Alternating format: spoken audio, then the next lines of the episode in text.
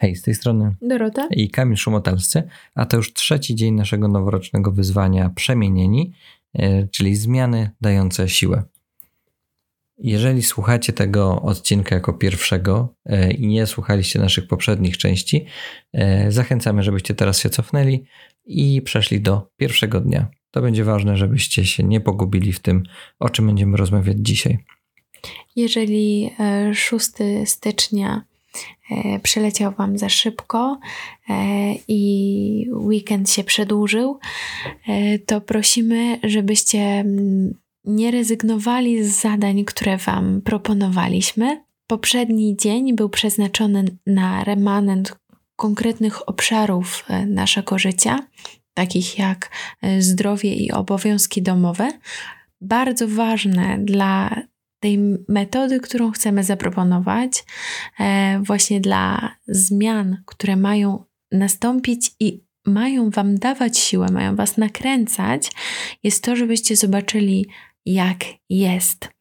I dzisiaj przechodzimy do drugiej części remanentu. Tym razem bierzemy pod lupę trzy obszary.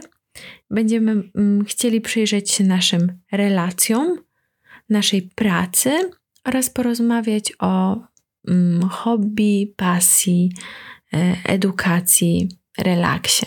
Na pierwszy rzut bierzemy e, aspekt naszych relacji.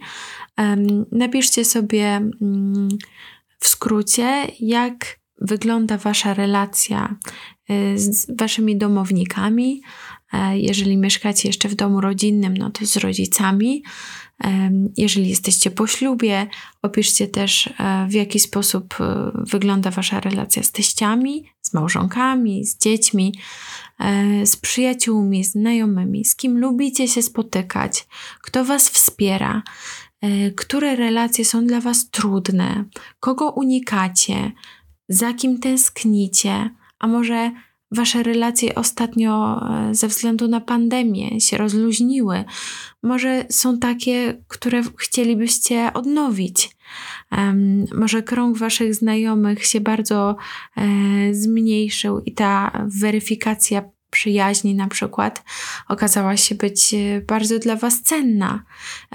Spróbujcie odpowiedzieć na mm, te pytania właśnie w aspekcie relacji, ponieważ e, jedną z podstawowych takich potrzeb psychologicznych, jakie są opisywane, jest właśnie mm, potrzeba związków, które są znaczące w naszym życiu i wspierające.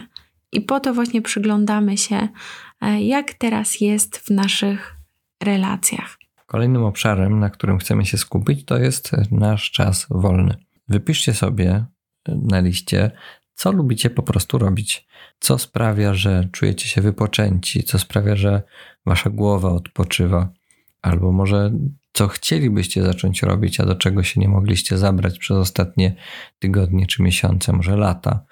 E, A może była kiedyś jakaś rzecz, która pomagała wam odpoczywać, która sprawiała, że się rozwijaliście, e, a którą z różnych powodów musieliście odłożyć. Może jest coś takiego, do czego możecie w tej chwili wrócić.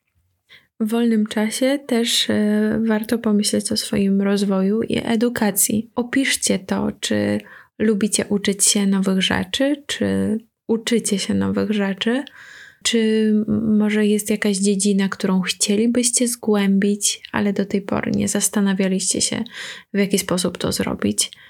Nie musi być to e, jak zwykle lista książek e, do przeczytania, czy postanowienie nauczę się nowego języka.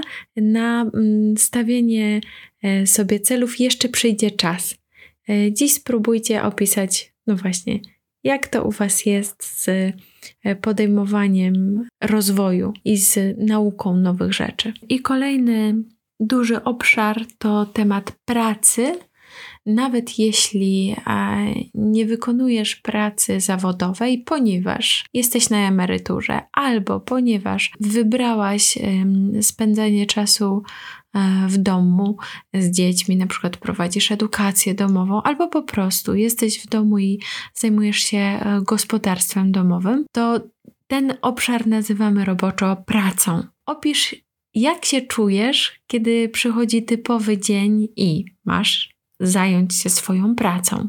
Albo siedząc w domu e, na zdalnej pracy, albo do niej wychodząc, albo po prostu pozostając w domu. E, czy lubisz swoich współpracowników? Jeśli masz osoby, z którymi współpracujesz, to mm, jak się czujesz w ich obecności? Czy e, praca daje ci satysfakcję? A, a może um, uciekasz w pracę, może całkowicie cię ona pochłania.